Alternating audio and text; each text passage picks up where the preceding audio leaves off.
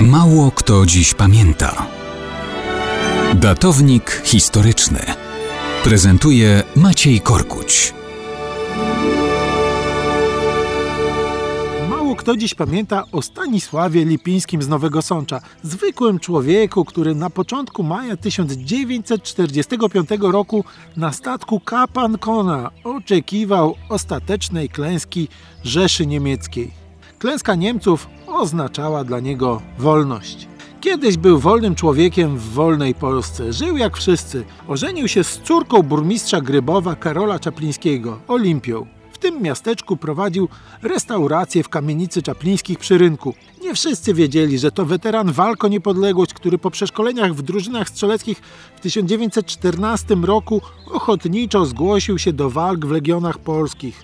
Walczył jako żołnierz pierwszej brygady, dopóki mógł podczas tzw. Tak kryzysu przysięgowego odmówił deklaracji wierności wobec cesarza Niemiec. Jako, że pochodził z Nowego Sącza, był poddanym austriackim, więc go nie internowano jak legionistów z królestwa, ale wcielono do regularnych jednostek armii cesarskiej. Doczekał w nich ogłoszenia niepodległości Polski i w listopadzie 1918 roku wrócił do Sącza. Jednak nadciągające nad Polskę burze wojenne przerwały jego cywilne zajęcia. Zgłosił się już w lutym 1919 do Wojska Polskiego i znowu jako ochotnik walczył na frontach wojny z bolszewikami, aż do 1921 roku. Wtedy dopiero był czas i na ożenek, i na mieszkanie w Grybowie.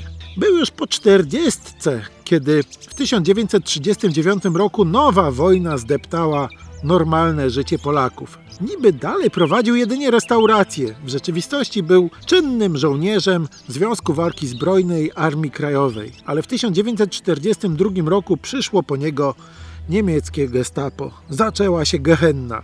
Więzienie w Tarnowie, KL Auschwitz, potem KL Neuengamme, aż niemal do końca wojny. Niemal, bo Niemcy na kilka tygodni przed kapitulacją przewieźli więźniów do Lubeki i zapakowali na statek Kap Ancona, zacumowany w porcie.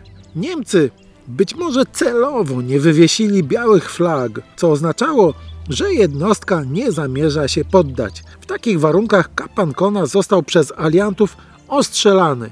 Wybuchł pożar. Zginęli prawie wszyscy więźniowie. Wśród nich Stanisław Lipiński, zapomniany dziś bohater walk o niepodległość i granice.